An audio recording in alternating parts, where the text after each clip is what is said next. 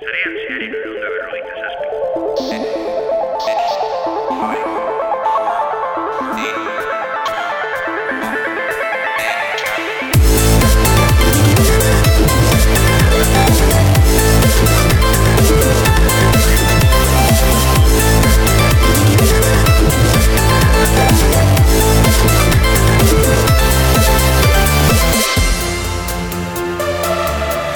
Baina abenduan bete-betean murgilduta sarean zearen edizio hau e, urtearen azkena izango dena heldu zaigu. Ba, urteari e, amaieratxo bat emateko eta berri teknologiko batzuk e, komentatzeko edizio honetan. Aurreratuko dizuet berrien atalan entzungo duzuen berrien atalan ez dugu e, Twitterri buruz gehiagi hitz egingo egia da berriak egon eh, direla adibidez Europar batasunak eh, Elon Muski eskatu dio moderazio gehiago izatea eta eh, kontuz izatea akontuak blokeatzen dakoarekin. Eh, baita blokeatzen ari dira Twitterren eh, mastodonekin erlazio daukaten estekak eta bar. E, azken finean, bueno, e, arazoak eta, eta berriak eta zurrumurroak ere sortzen ari dira berriz e, Twitterren e, arlo horretan, baina ez ditugu komentatuko, ja, nahiko izan dugulako azken e, egun aste eta iaia betetan. Beste kontu batzuk izango ditugu, e, bueno, entzungo duzuenak e, momentu gutxitan, beti bezala Borja Arbosarekin, e, teknologiari buruzkoak azken egunetan gertatu direnak, eta, e, bueno, saiatuko gara, haber, ordu honetan, zeri buruz hitz egiteko daukagun e, tartetxoa daukagun denbora ongi etorriak, hau da, zarean zehar.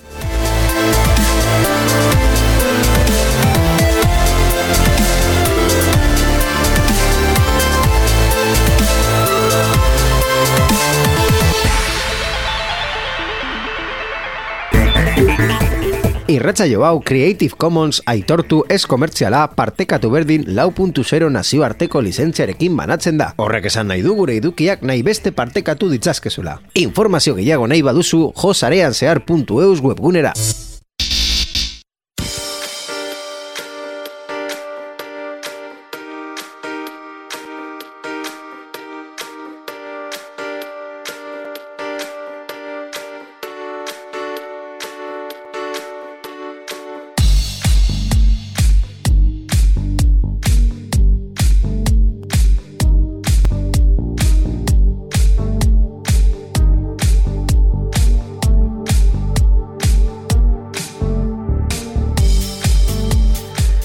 Urtearen azken e, saio honetan, eh, esan bezala, ba, mm, berrien e, atala baita ere izango da, urtearen azken berrien atala, E, horregatik jarri dugu gure estudioa bideoan ikusgai daukazue gure estudioa gabonetakoa jarri dugula argitxo hauekin.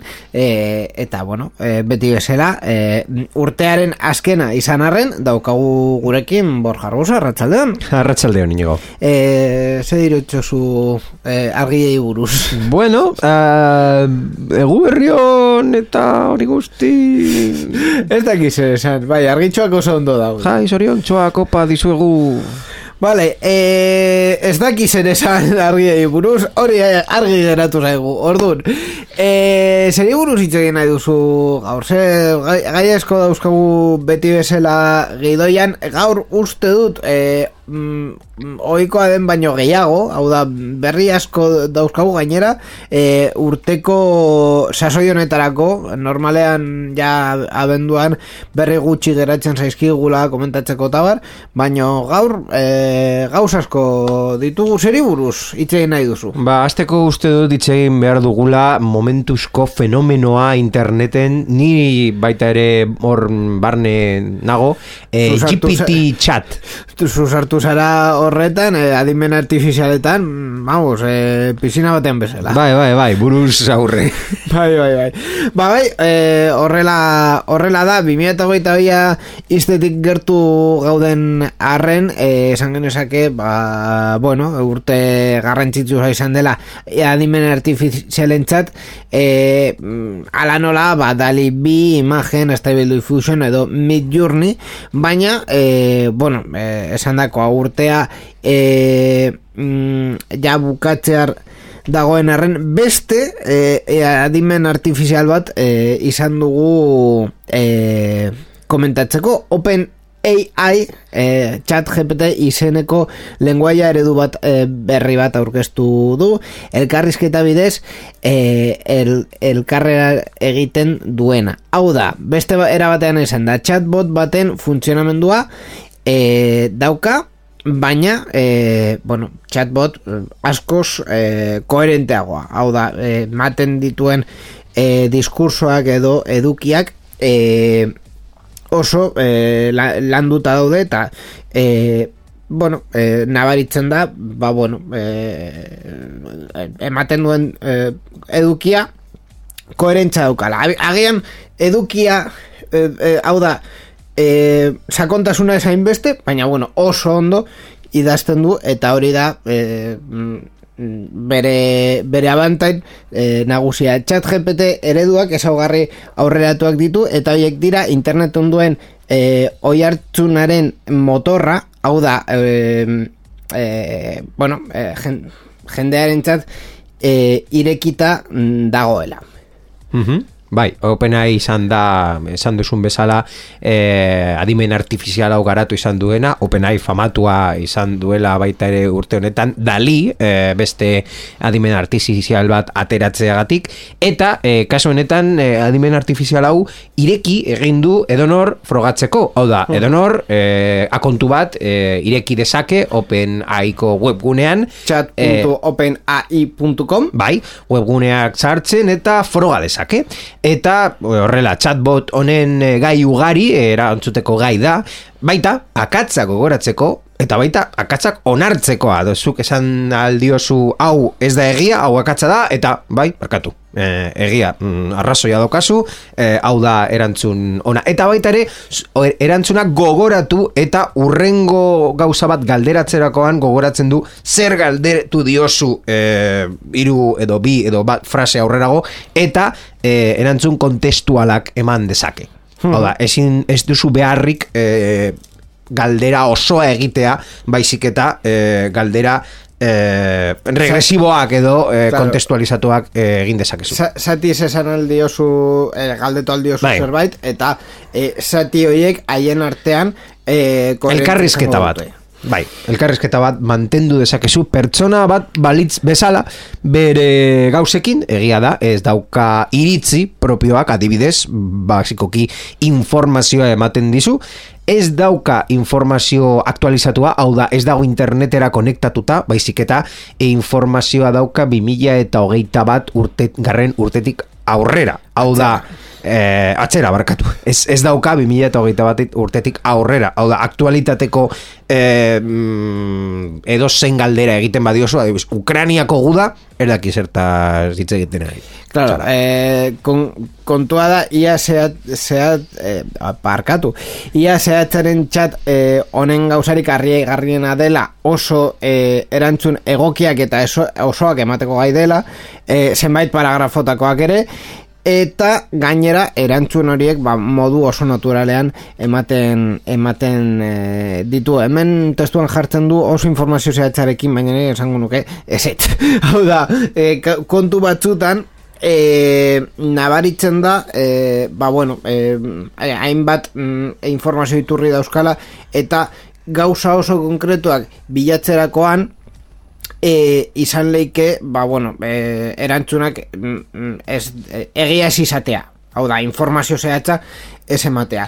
E, horregatik... Baina, zehatza ez du zuzena esan nahi. Zehatzarekin esan du konkretu edo konkret, beste e, adinmenak, baino konkretuagoak bihurtzen direla. Ba, orduan, kontua da... E, mm, detaileak, hau da, Bai. zehaztasuna jartzen dituela, baina zehaztasun horiek ez direla egia izan behar. Hori da. Vale, orduan, mm, ulertzen ari gara e, kontu honekin. Jende, eh, eske nire, nire kontu azken egunetan horrelakoak ikusteakoan, e, izan da jende asko e, froga egin duela, eta bere e, et, frogak erakutsita, ba bueno, e, mm, adimen artifizial honen e, erantzunak ez zirela egia. Hau da, e, adibidez, e, ba, galdetzerakoan, e, ze programa emititu zuen e, Euskal Telebistak mm, bere lehenengo emisio bezala. Ba, ematen zuen data bat esela zuzena,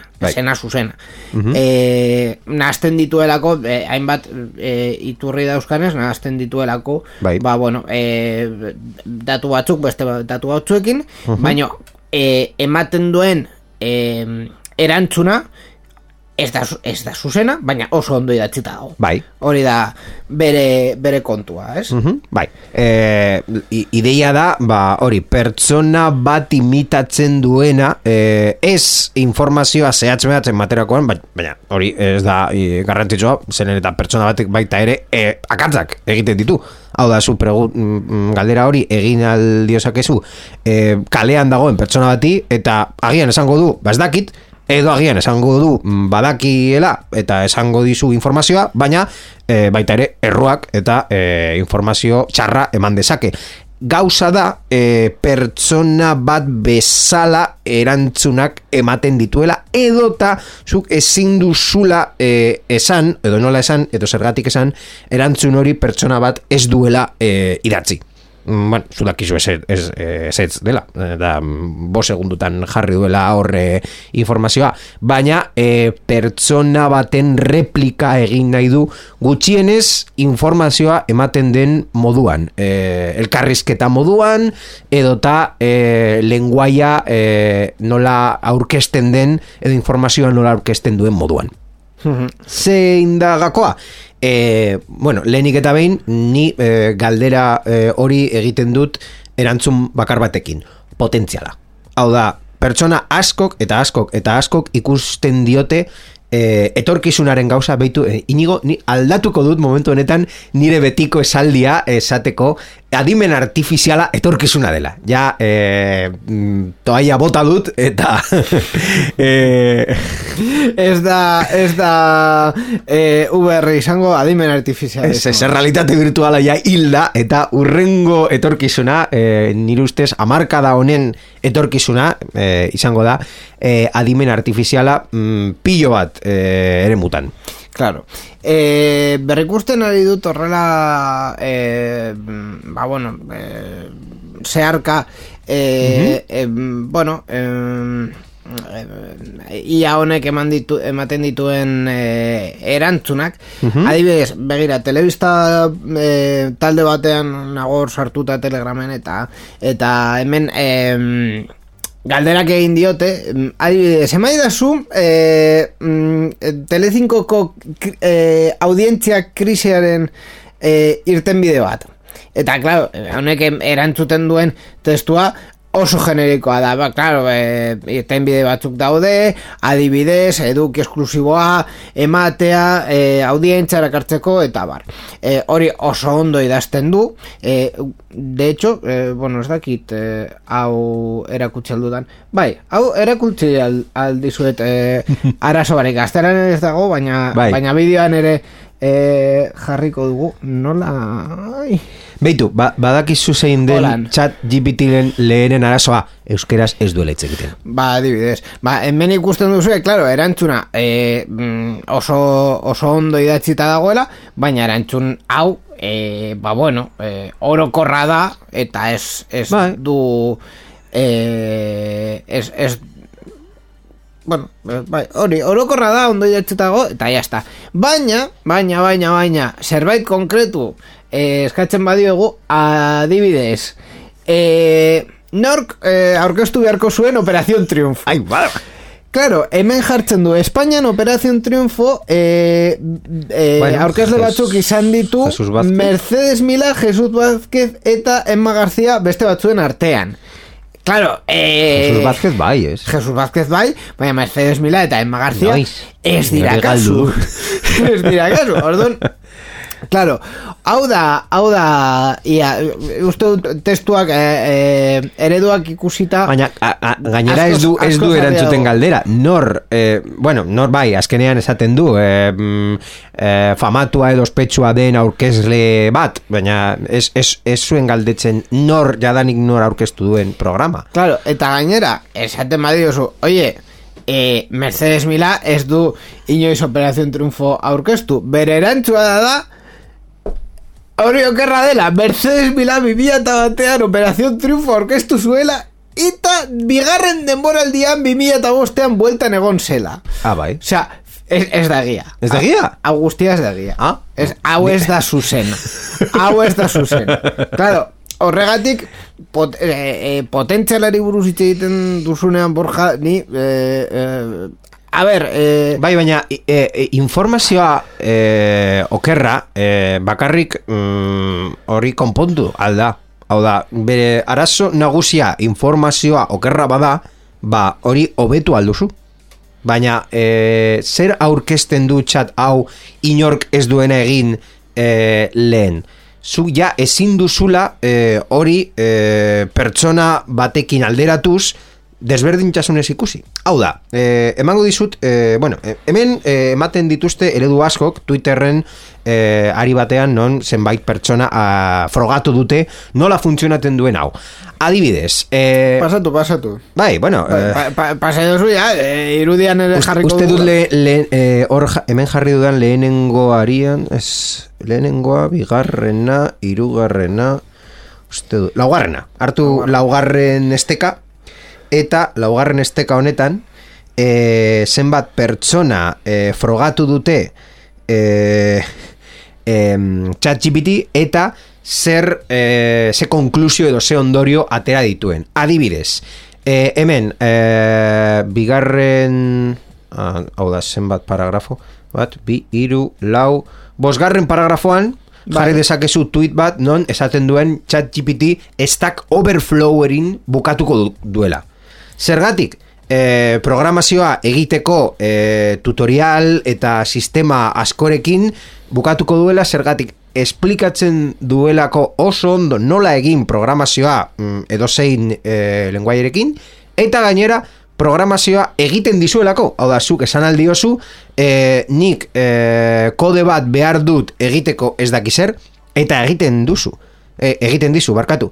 Baina mm, baita ere eskatu aldiozu e, testu iruzkin bat, adibidez zu e, ikasle bat bazara eta batxillergoan bazaude momentu hontan eta badakizu batxillergoan testu iruzkina, testu iruzkina, testu iruzkina behar zenun e, selektibitaterako, edo gutxienez nire kasuan behar nuen testu iruzkin pilo bat egitea selektibitaterako eta e, zu chat GPT-ra joan alzara eta eskatu e, mila hitz daukan testu iruzkin bat ez dakin zer e, gairi buruz eta egiten dizu. Egiten dizu bos minututan. Ira, irakasle batek e, mm, froga egin zuen eta esaten zuen o, testu iruzkin hori bera, mm, edo, mm, bere ikasleen edonor aurkezten bazuen e, bikain bat jarriko ziola. Hau da, Claro. bueno, bikain, edo, edo nahiko, baina mm, gutxienez eh, froga pasatzeko bezain ona dela.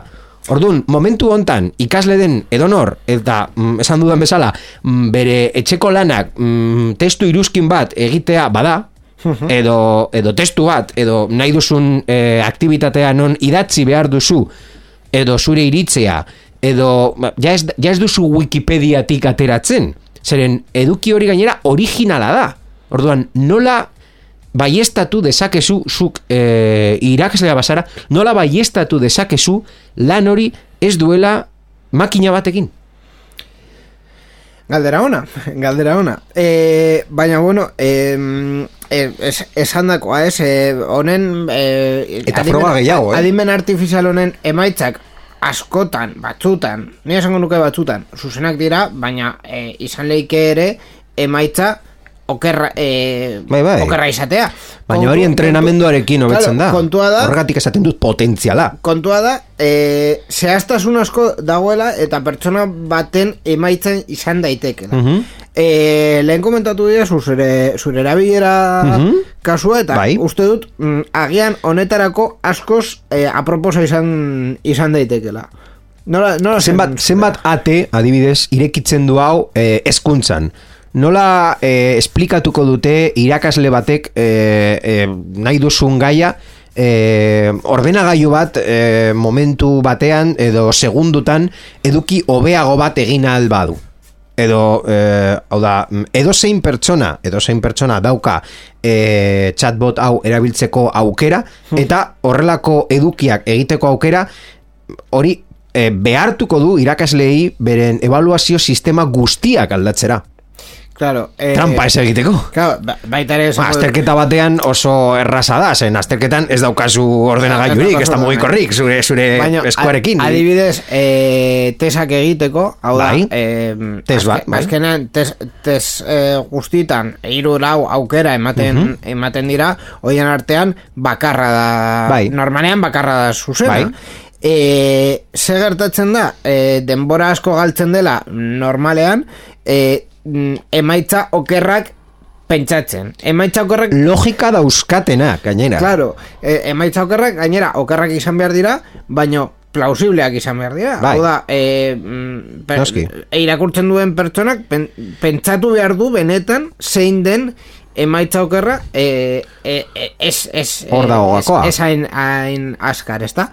Ba, horretan, e, Hau da, hori eta- laberinto bat e, bezala ikusi aldugu. Hau da, mm, e- edonor e, marrastu dezake laberinto bat, baina erraz den laberinto bat, edonor e, e, idatzi dezake. Zaila den laberinto bat, e, gogoratzen duzu ikusi duen origen pelikula Leonardo DiCapriorekin. bai, Bai, ba, origen pelikulan laberinto bat egin behar zenuen Inception. Inception, hori da e, Eta laberinto bat zaila dena ateratzeko. Edonor egin dezake laberinto bat Pin, pin, pin, pin e, Erraza dena. Baina mm, gakoa da laberinto zail bat egitea Eta horretarako e, prozesu asko behar dituzu. Eta zure burmuina azkenean limitazio bat dauka Claro. Ordenagailurekin alderatuta ez dagoena. Orde, Ordenagailu bat eun mila aldiz baino hobeago egin aldezake zu baino laberinto hori eta e, beren limitazio bakarra momentu honetan informazio ona ez izatea ba nire ustez oso erraz e, konpon daiteken limitazio bat da Orduan, horregatik esaten du potentziala dio, e, ikusten diozula. Eta ni bezala pertsona askok. Jadanik, ez dakit zenbat e, artikulu irakurri ditut, zenbat e, profesio eta profesional geratuko dira ez e, laneri gabe. Baita ere, baina bueno, zenbat profesional aldatu beharko dute beren lan egiteko ereduak adaptatzeko sistema honekin, sistema hauekin. E, zein profesio mantenduko dira? Zeren, e, ja ikusi dugu artearen eremuan nola Dali, Mid Journey, Stable Diffusion eta hoiek guztiak ja aldatuko dira, aldatuko dute barkatu, nola ikusten ditugun e, lan eremu hauek. Eta bai- baita ere nolan lan egiten duten hor geratzen diren profesionalak. Hau da, e, ke, galdera asko mm, planteatzen ditu. Bai, e, ni oie, esan dako, ikusten dudan abental e, mm, argia izan daiteke hori, azkenean e, testua behar denean e, SH baizik eta ondo idatzita e, SH baino zuzena, barkatu. Ez zuzena baizik eta ondo idatzita mm, zuzena edo kerra izan, izan arren, ba, ba horrelako modeloak ba, interes eh, asko eh, izan aldute. E, dena den, ba, hori hori izan da e, baita ere 2000 eta hogeita bi honetan modan egon den e, e, kontu bat beste beste batzuen eh, Ah, bueno, eta ez dugu hitz egin beste gauza bat lotuta dagoela. Bai. Nor, non usten du eh, Amazon, Google eta mm, mai berago batean Apple edo Microsoft eh, hainbat urtetan ja merkatuan jarri dituzten asistenteak. Non usten du Alejandra? Ze mailan? E, Zein da asistente honen etorkizuna? Horrelako chatbotak onak e, bihurtzen badira, hau da, informazio zehatza edo gutxienez interneten aurkitu aldituzuna. non usten du nor? Alejandra. Don't call my name, don't Ideiarik ez. Ba, bere izena ja ez dute gehiago a, a, Hombre, eh, eskatuko. hau, hau, eh, bere izena ja ez duzu gehiago esango. hau, hau hobetu, o, osea, hau erabili dezakete, eh, horrelako mm, eh, ahots eh, laguntzaileak hobetzeko, hau da, batzutan eh, gerat, gertatzen saio eh, Alexa eta beste eta beste, Ez esan, ez esan. Ai, esan dut. Alejandra eta beste batzuei emait, eh, ematen dituzten eh, erantzunak Oso basikoak dira, zuzenak direla, baina oso basikoak dira. Bai. Ez dute mm, ez dira familiarik. pertsona bat iruditzen. Claro. Ez dute, ez, ez, ez dute, ba, adian ez dute funtzio hori ez da mm, intentzioa bihurtzeko, baina zuk hitz egiten duzunean oso argi daukazu hor ez dagoela eh, elkarrizketa bat. Claro. Claro, eta ez, ez du eh, kontekstu hori edo ez du eh, galdetu diosun Ez. gauzak kontuan hartzen. Orduan, hau, eh, mm, bueno, eh, ostopo baino mm, eh, oportunitate bat izan daiteke horrelakoak eh, hobetzeko. Izango, izango lirateke, baina eh, jakin dezagun Amazonek eta Googleek eh, ez diete diru gehiagorik bota nahi ahotzen txulei, jakin dugu eh, bi konpainia, bueno, krisialdian edo krisialdi txikian nahi baduzu daukate mm, hainbat eremutan, eta eremu bat da eh, asistente eh, ahotzen txuletan dagoen asistente hauek garatzen dituzten ekipoak. Hau da, e, zein da arazoa? Ba, e, 2000 eta malautik non e, merkaturatu jarri, merkatuan jarri zuen e, Echo e, eta baita ere Google Assistant zeukaten e, bosgoragailuak,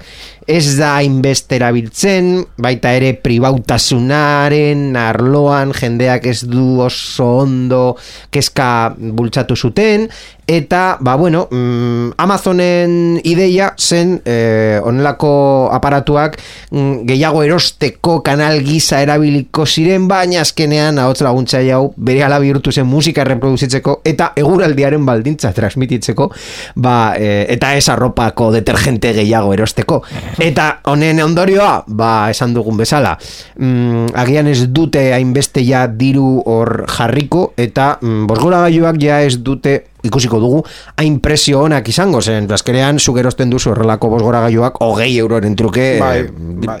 hau da, Us- us- dut- presioak lurrera botatzen zuten. Eh, Uste dut eh, presioak lu- eh, osea, kon, kontua hau bada, uste dut presioak lurrea botatzen jarraituko eh, dutela batez ere eh, estok kentzeko eta gero, gero eta eh, bosgora gutxiago eh, izateko eh, biltegietan. eta zer bueno. egingo dute teknologiarik zaharkituta geratukoa hor utziko dute ja zaharkituta eta A ber, zaharkituta bere erabilera badauka eta eta ondo badoa aurrengo ondo badoa, da. E, Baina errekurtsoak ez badute- e, eguneratu gabe ondo e, mm, ondo jarraitzen badu, hau da erabilgarria jarraitzen izaten badu, mm, zertarako ukitu behar duzu. hor dago Eh, gakoa diru, dirua ematen badizu e, bosgoraiuak e, saltzen, bueno, egia da bosgoraiuak ere ez direla oso garesti saltzen orduan. Baita ere badaude Ba, bueno. pertsonak frogak egin dituztenak alderatuz ze emaitzak ematen dituzten Google Assistant eta Alejandra mm, chat GPTrekin alderatuta eta esaten dute, eske bakarrik behar dugu informazio aktualizatuta edo internetera konektatuta egotea eta eh, eske mm, ez dago konparaziorik. Ba, bai. E, ba, bueno, e, ikustea ere egongo da, ez? E, 2000 eta hogeita bi honetan e, estanda egin dute adimen artifizial hauek eta urrengo urteetan ikusiko dugu zein izango den. Etorkizunean. Etorkizuna.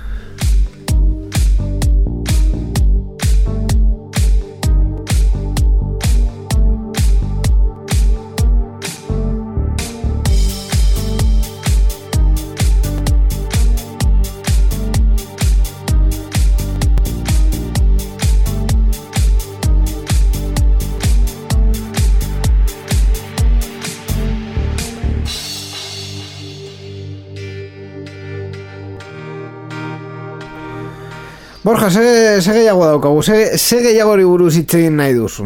Ba, ja, adimen artifizialak alde batera utzita uste du superheroiaren momentua heldu dela. Berriro ere berriak ekartzeko.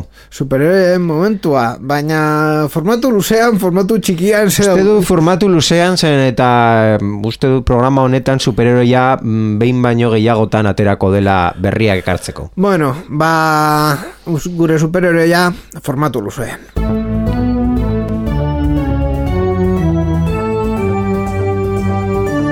Europar batasunaren berria. Sarean zehar. Europar batasunen berria orduan gure superheroia formatu luzean e, bi berri dauzkagulako komentatzeko e, USB-C edo euroa. Ze nahi duzu gehiago? Ai, bueno, USB-C komentatuko dugu lehenik eta behin zen eta ja, jadanik bestelako berrietan eta bestelako programatan, mm, ja, mm, badakigu zerta, zer buruz hitz egiten ari garen, ez da inigo? Bai, e, kontua azken e, asteetan izan da data e, jarri dela legean idatzita geratu da 2008 lauaren abenduko hogeita sortzitik aurrera de, derrigorrezkoa izango dela aplika, aplikatzeko ah? Zer den hitz hau gai, e, gai guztiek e, bueno, gai mota batzuen barruan e, gaiu guztiek USB C Lege hori aplikatzen dien gaiu guztien, da. aplikatzekoak diren gaiuak. e, USB-C izan behar dutela karga kablea e, daukatenean. iPhoneen Lightning bezalako e, konektore propio hoiek amaituko dira. Eta suposatzen da ja, e, iPhone amaseitik aurrera zen motako USB izatera behartuta egongo e, dira apelekoek hala ere e, dirudienez iPhone amabostean hasiko dira USB-C hori jartzen. E, Portua, ez? Ja kablea ez dugu, espero. Kablea ziurreni... Bueltatuko da. Lehenengo... Lehenengo momentuan, bai, ja, masirako uste dut ez, baina amagostean agian jartzen, jartzen Ikusiko dute. dugu. E, dena den, e, bueno, hau filtrazio bat izan da, orduan ze ikusiko den azkenean ez, ez dakigu, baina zurrumurru batek esaten, esaten zuen e, MagSafe eta listo, hau da, kontaktu gabeko, e, konektore gabeko karga jartzea, eta horrekin, listo, e, arauak esaten duelako konektorea badago USB-C izan Ez- behar dela. ez jarri Baina ez badago konektorerik, hau da, ez bada behar, Xake pues ya mate. está. E, esan bezala kontsumoko elektronikako gaiu e, gehienek USB-C e, konektorea izan beharko dute, arauan jasotzen den bezala, mugikorretan, tabletetan, kamera digitaletan, entzungailuetan, bai e, ez, e, headphone formatuan edo e, aurikular txikietan, kontsola eramangarrietan, bosgora hoi eramangarrietan, liburu elektronikoetan, teklatuetan, saguetan, eta navigazio sistema eramangarrietan, e, teklatu eta saguena oso interesgarria da, azken urteetan e, USB-C gero eta gehiago ikusi dugulako e, ordenagailuetan, baina mm, e, osagarri horiek mm, ez ziren USB-A erabiltzen dute. Claro, ez ziren horretan sartzen, orduan, ja, hau, e, Mhm. bultzakada importantea izango da, esen bezala, 2008 lauko abenduaren hogeita sortzitik aurrera derrigorrezkoa izango da. Bueno, bi urte geratzen dira oraindik, baina momentuz ja dakigu noiz ikusiko dugun mm, legez. Beste partetik, e, Europar batasunean e, prestatzen ari da euro digitala. Hau da, e, bueno, Christine Lagarde, Europako, Europako Banku Zentraleko presidenteak azaldu duenez, e, Europako Parlamentuarekin eta Europako Batzordearekin e, elkarlanean ari dira euro digitala garatzeko. E, Amazonekin ere Baita ere, hizketan hor. daude, daude honetarako. Ez dakit zergatik. Erregulazioa 2008an iristea espero da, eta euro digitala hogeita bo, bostean eta hogeita zeian e, martxan eh, jartzea espero dute. E, zer da euro digitala? Azkenean, kriptomoneta bat e, izango da. E, e, komentatzen duten bezala, euro digitala banku zentral baten dirua izango da. Hau da, banku zentral batek babestuktako kripto txampona eta herritarrek herritarren beharrei erantzuteko e, diseinatuta dagoen kripto e, txampon bat e, izango da. Mm, beste kontuen artean, ba, eh, ez dakit, ze, ze gehiago Zein da, ah, zein da desberdintasun nagusia euro digitala eta beste kripto txamponeekin alderatuta euro digitalekin ordainduko duzula. Bai, hor- hor- hor- hori argi dago. Txampon bat ordaintzeko da. Baina, Beitu. baina nire galdera da, e, teknikoki edo, edo, bai, teknikoki gaur egungo euroa ez da digitala? Ez, ni ustez, nire hemen karteran euro bat ateratzen dut ez da digitala. Bai, bai, e, eta e, 2008 Txanpon bat eta bai, eta 2008 ez dago- e, 2008 zazpian ere e, dirua mm, fisikoa, efektiboa e, existitzen jarraituko du, orduan Hori, hori da zure iritzia. Bai, sí, bai, osea, bai. E, badakigu Norvegian, Suedian eta Finlandian ez dela ia eurofisikorik erabiltzen, Bueno. baina joan zeite Rumaniara eta ikusiko duzu nola dagoen e, gauza. Edo... Rumanian erabiltzen dute euroa. Uste dut baiet. Ez. Ez? Gogoratu dezagun euroa ez dela Europar batasuneko herrialde guztietan erabiltzen. Hau da, zona euro, A ver. Eh, hor dauden herrialdetan erabiltzen dela bakarrik. Grezian. dira? Grezian. Grezian, baina ez Rumanian, ez Polonian, ez Hungarian, ez eh, eh, Txek- a ver, egia, egia da... E, Txekako Republikan, Egia da, euroa justo erabiltzen dela... ez Dinamarkan, teknologikoki eh, aurreratu aurreratuen dauden eh, herri herrialdetan eta Grecian. Eta Grecia. Eta Italian. Eta hildo horretan ere Espainian eta Portugalen. Vale, ondo. Baina esan nahi dut bai egia da euroa erabiltzen dela ba, eh, Frantzia, Alemania, Belgik, eh, Belgika erber, ber, eh, barkatu. Belgika erberetan edo eh, Finlandian. Bai, vale, ondo. Eh, onartzen dizut, mm, baina Grezian adibidez edo Txipren edo Maltan eh, euro fisikoak mm, asko erabiltzen dira eh, oraindik. Ordun hiru lau urtetan hori mm, asko guztiz barkatu aldatzea eh, uste dut ez, ez dela gertatuko. Ordun e, hemendik hiru lau urtetara euro fisikoak existitzen jarraituko dute? Nire apostua da, baietz. Hau, en, orduan, nire galdera da, euro digitala gaur egungo euroarekin ze alde dauka. Eh, ez duzula A- atzetik- fizikoki eraman behar. Baina bueno, Ez- bai ez du- claro, es que gaur Ordainketa muy que- korra bueno, eh, be, Beitu, emango dizu gauza bat. Eh, mm, Txampon eta zuzen, monetak ez erabiltzeko alternatiba duzun bakarra banketxeekin eh, tratuak egitea da. Eta zuk uste duzu hemendik aurrera hori izango dela posible banku barik? En Euro digital serio? batekin? En serio? Zuk izan dezakezu kripto txamponak banku baten kanpo, ez da? Eh, bai, baina... Zure eh, dirua baina- gordetzea, baina- transferentziak baina egitea, baina bizum eta bai, hoien bai, bai, guztia bai. banku bat behar du. Bai, baina Europar batasunak onartuko du euroak beste edonon egotea e, bankuen kontroletik kanpo? Hau da, Europar batasunak eta Europa... Ber, beren kontrolen barne bado. Osea, zure apostua da Europako Banku Zentralak Mhm. orain izango duela, bueno, orain, hiru lau urtetan izango duela bere sistema propioa e, wallet bat bezalakoa Bai. bere kripto txamponak erabiltzeko. Bai.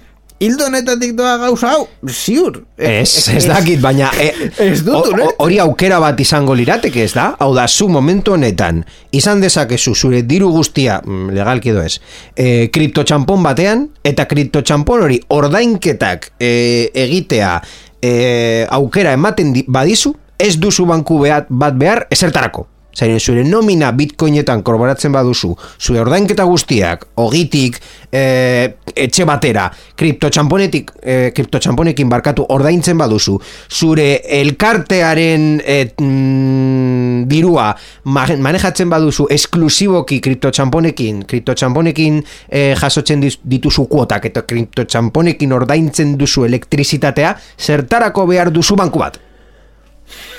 Eske gainera... Hau da, eh, bitcoin, claro, euro, bar- ba- barkaidazu- bakarrik barkaidazu- aldatu, eta barkai- ez duzu banku bat behar? Barkaidazu, eske... Hau da, ez dakit hori gakoa den, baina- Eske, eske kontatzen duzun hori, eta Christine Lagarde esan, esan duena ez, ez, ez du bat egiten.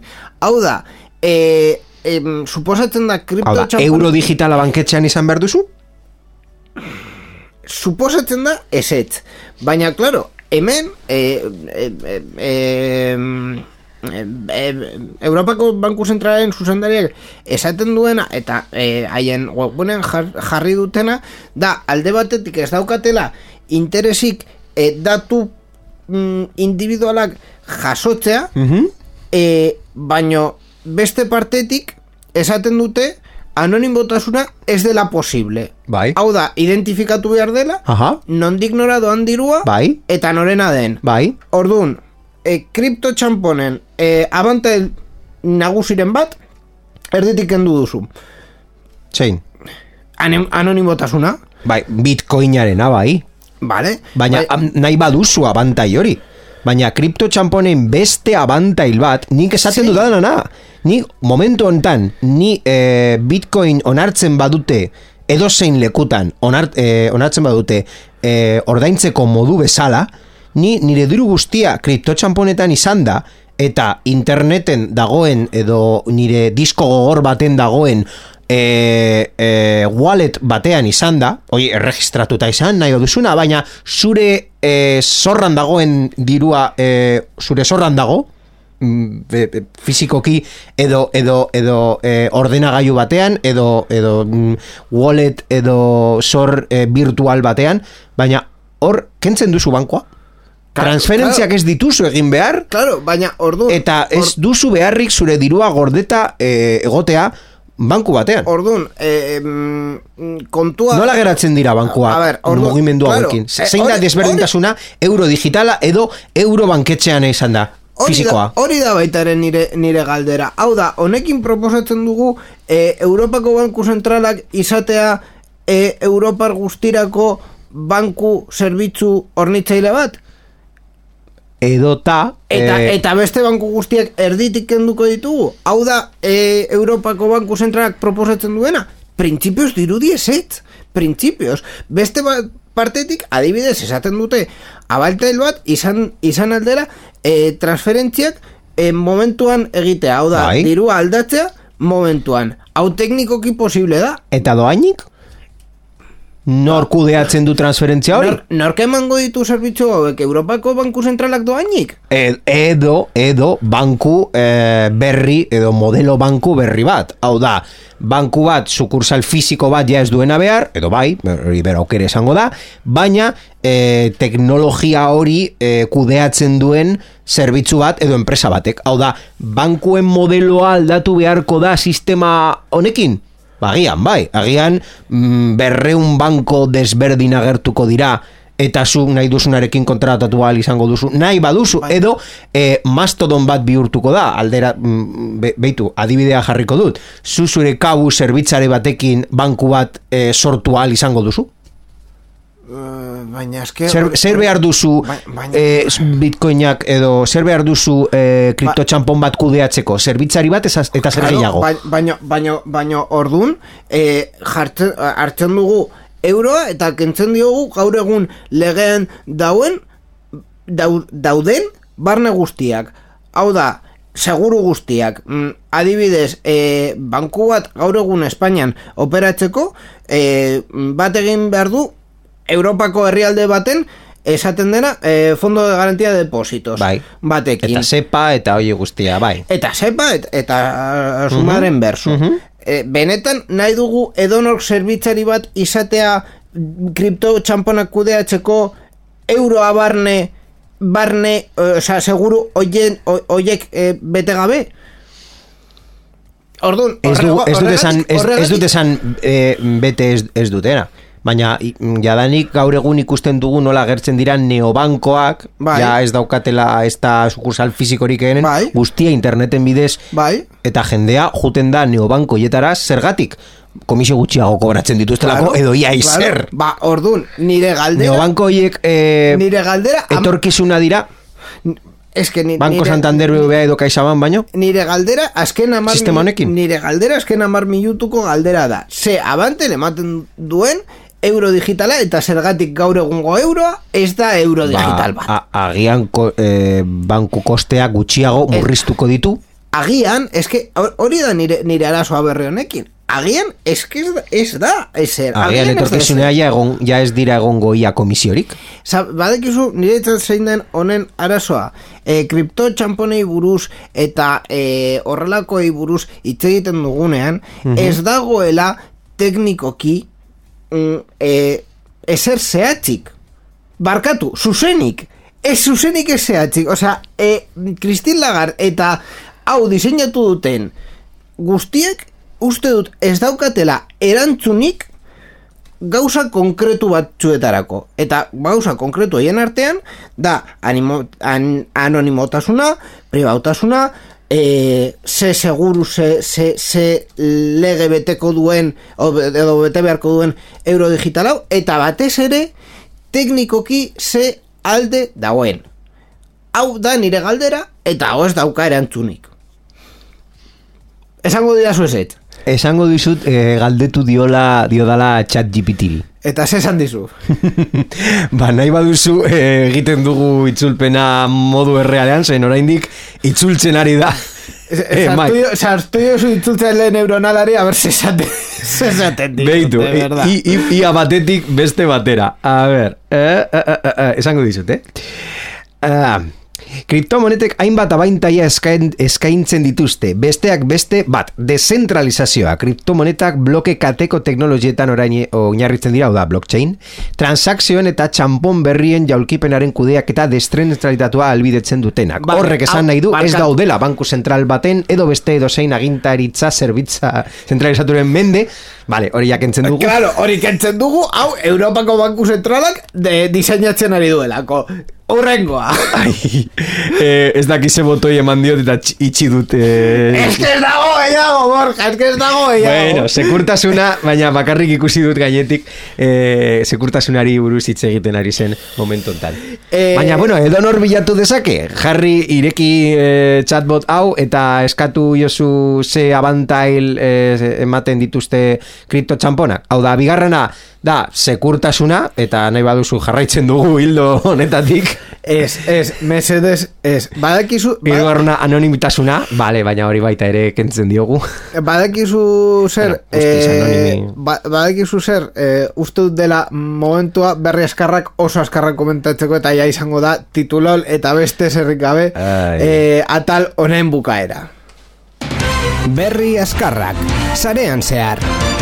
Eta berrei askarretan daukagu lehenengo bezala e, Android amabikan e, Wi-Fia aktibatzeko mm, aukera izango duzula Amairun, amairun. Amairun, barkatu Wi-Fi aktibatzeko aukera izango duzula e, Egaldi moduan izan da Bai, Android amaikatik ja posible zen Bluetooth erabiltzen jarraitzea hegazkina eta iPhone aktibatuta. 6tik, de verdad Beraz ez dugu konexioa galtzen gure entzungailuekin adibidez. Eta gaur antzeko beste nobedade bat dator. Googleek orain wifi aktibatzea albidetzen du hegazkin modu aktibatuta, beraz hegazkinaren konexioa erabili ahal izango dugu mugikorreko komunikazioak erabat desblokeatu beharrik gabe. Horrek ere eskaintzen digu modu askar bat konexio mugikorra izteko, baina internet wifi bidez mantentzeko.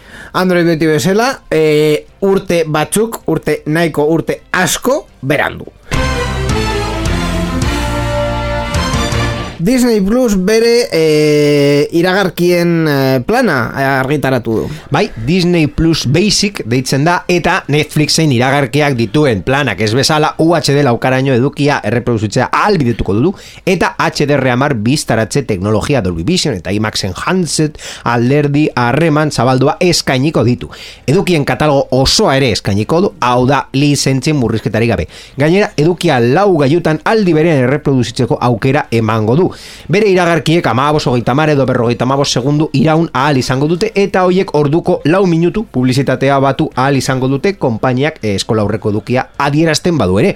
Hori bai, ezingo da edukirik deskargatu. Eh, azkena, esan nahi du eh, eskola aurreko edukia honen kanpo geratuko dela, Ah, bai. vale? E, dena den, ba, bai, Netflixeko e, ordainketa, mm, ordainketa ah, plana, baina e, iragarkiekin, baina ondo eginda. Hori da. Hori da, hau, bale? Netflix ondo eginda. Eta azkenik, e, Europako Europar batasunak e, mm, kotxen arpide, arpidetzei buruz salbatuko dugu. Bai, horrela izango da, Mercedes-Benzek ezin izango du Europar batasunean bere auto elektrikoen potentzia hobetzen zuen arpidetza zerbitzua eskaini, eh, kontatu genuen bezala urteko ordainketa baten truke. Europar batasunean sistema hori legez kanpokoa izango litzakteke Mercedes-Benzek funtzio gehigarri horengatik kobratu nahi duelako, ez litzateke zergetatuko adibidez, doain eskainiko baitu. Legearen asmoa da autoa erosten dugunean zehatz mehatz jakitea zer erosten ari garen eta beraz ibilgailua garestuko duten ezkutuko kosturik ez egotea. Um, ondo deritxo, osea, ya está. eskerrik asko, Ondo. Europa. Eskerrik asko, Europa, hori da. Eta esan bezala berri atal hau bukatu behar dugu ja denboraz kanpo gaudelako. Dena den, berri oso interesgarri batzuk eratu zaizkigu eh, kanpo adibidez, Office irureun eta irurogeita bost legez kanpotzat jo dutela am- la- Alemaniako eskoletan, delicioso. bueno, ba, eh, legez kanpo eman dutena, eh, konkretuki da, eh, datuak, en, en, eh, umeen datuak, eh, Alemaniatik kanpo e, gordetzea, baina bueno, edo trenes beste aukera bat duen egaldiak debekatu ahal izango ditu frantxeak. Uf. E, bat, batez ere, e, trenan, e, bi e, ordu eta erdi, baino gutxiago, e, ematen badituzu, ba, e, galdi horiek. Kontaminazioa delata. Debekatu nahi dute, e, suposatzen da kontaminazioaren euniko bata gutxituko duela neurri hau, gutxi gora bera, baina euniko Bueno. bata egaldietan, bada. En fin, e, hau esan... Eske, eske euroarera ez dut ulertzen, de verdad, ez dut ulertzen. Borja Arbos, eskerrik asko gurekin egoteagatik eta berri hauek eh, komentatzeagatik. Saiatu duzu euroarekin, baina ez da funtzionatu. Ah, Eta titulo gabe geratu naiz. Ai, Titu- bueno. Titulola izan da, amar minutuan, amar minututan izan da.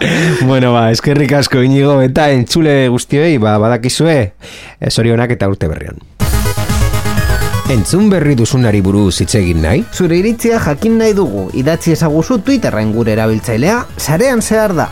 Gure Twitcheko emanaldietan ere parte hartu eta zure iritzia eman dezakezu programa egiten dugun bitartean. twitch.tv barra sarean zehar. Gainera, zure ekitaldiaren edo ideiaren berri eman nahi baduzu, posta elektronikora idatz diezagukezu info abildua sarean zehar puntu eus. Sarean zehar, zure mezuen zain.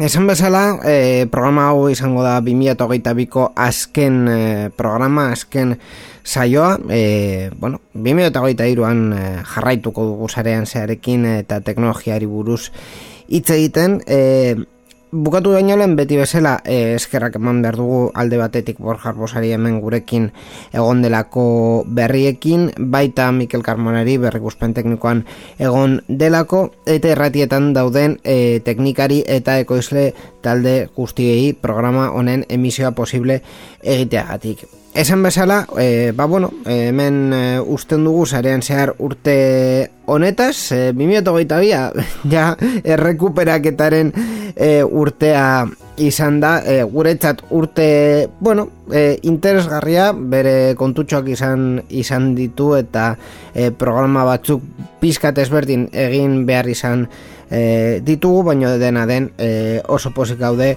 nola bukatu den eta nora suertatu den urte hau. Urrengoa e, izango da urtarriaren amabostetik aurrera, ordun e, data horretara e, data horretara bidaltzen zaituztegu gurekin bat egiteko. Eskerrik asko eta urrengora arte, egu berrion, urte berrion, agur.